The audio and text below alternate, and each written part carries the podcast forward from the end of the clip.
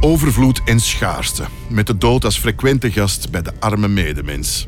De ouderen onder hen ontvangen het wezen met de doedelzak en de zandloper op het hoofd met open armen. Ik kan niet meer, o dood. Neem mij mee uit deze ellende.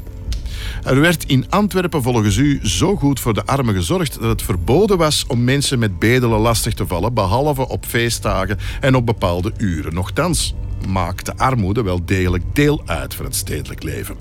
Gij vergeleek het leven in die stad met een menselijk lichaam, stelde dat het heil van de stad en de welstand van de bewoners met elkaar verbonden zijn en dat dus de zieken en de ongelukkigen moesten worden verzorgd om het geheel te vrijwaren van verdere ellende.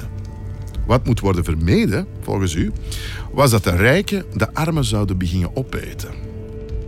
Rijkdom en hebzucht konden de samenhang van de stad bedreigen door bijvoorbeeld al te veel beleggingen in geld en door te teren op interesten. In plaats van datzelfde geld te investeren in werkgelegenheid en landbouw.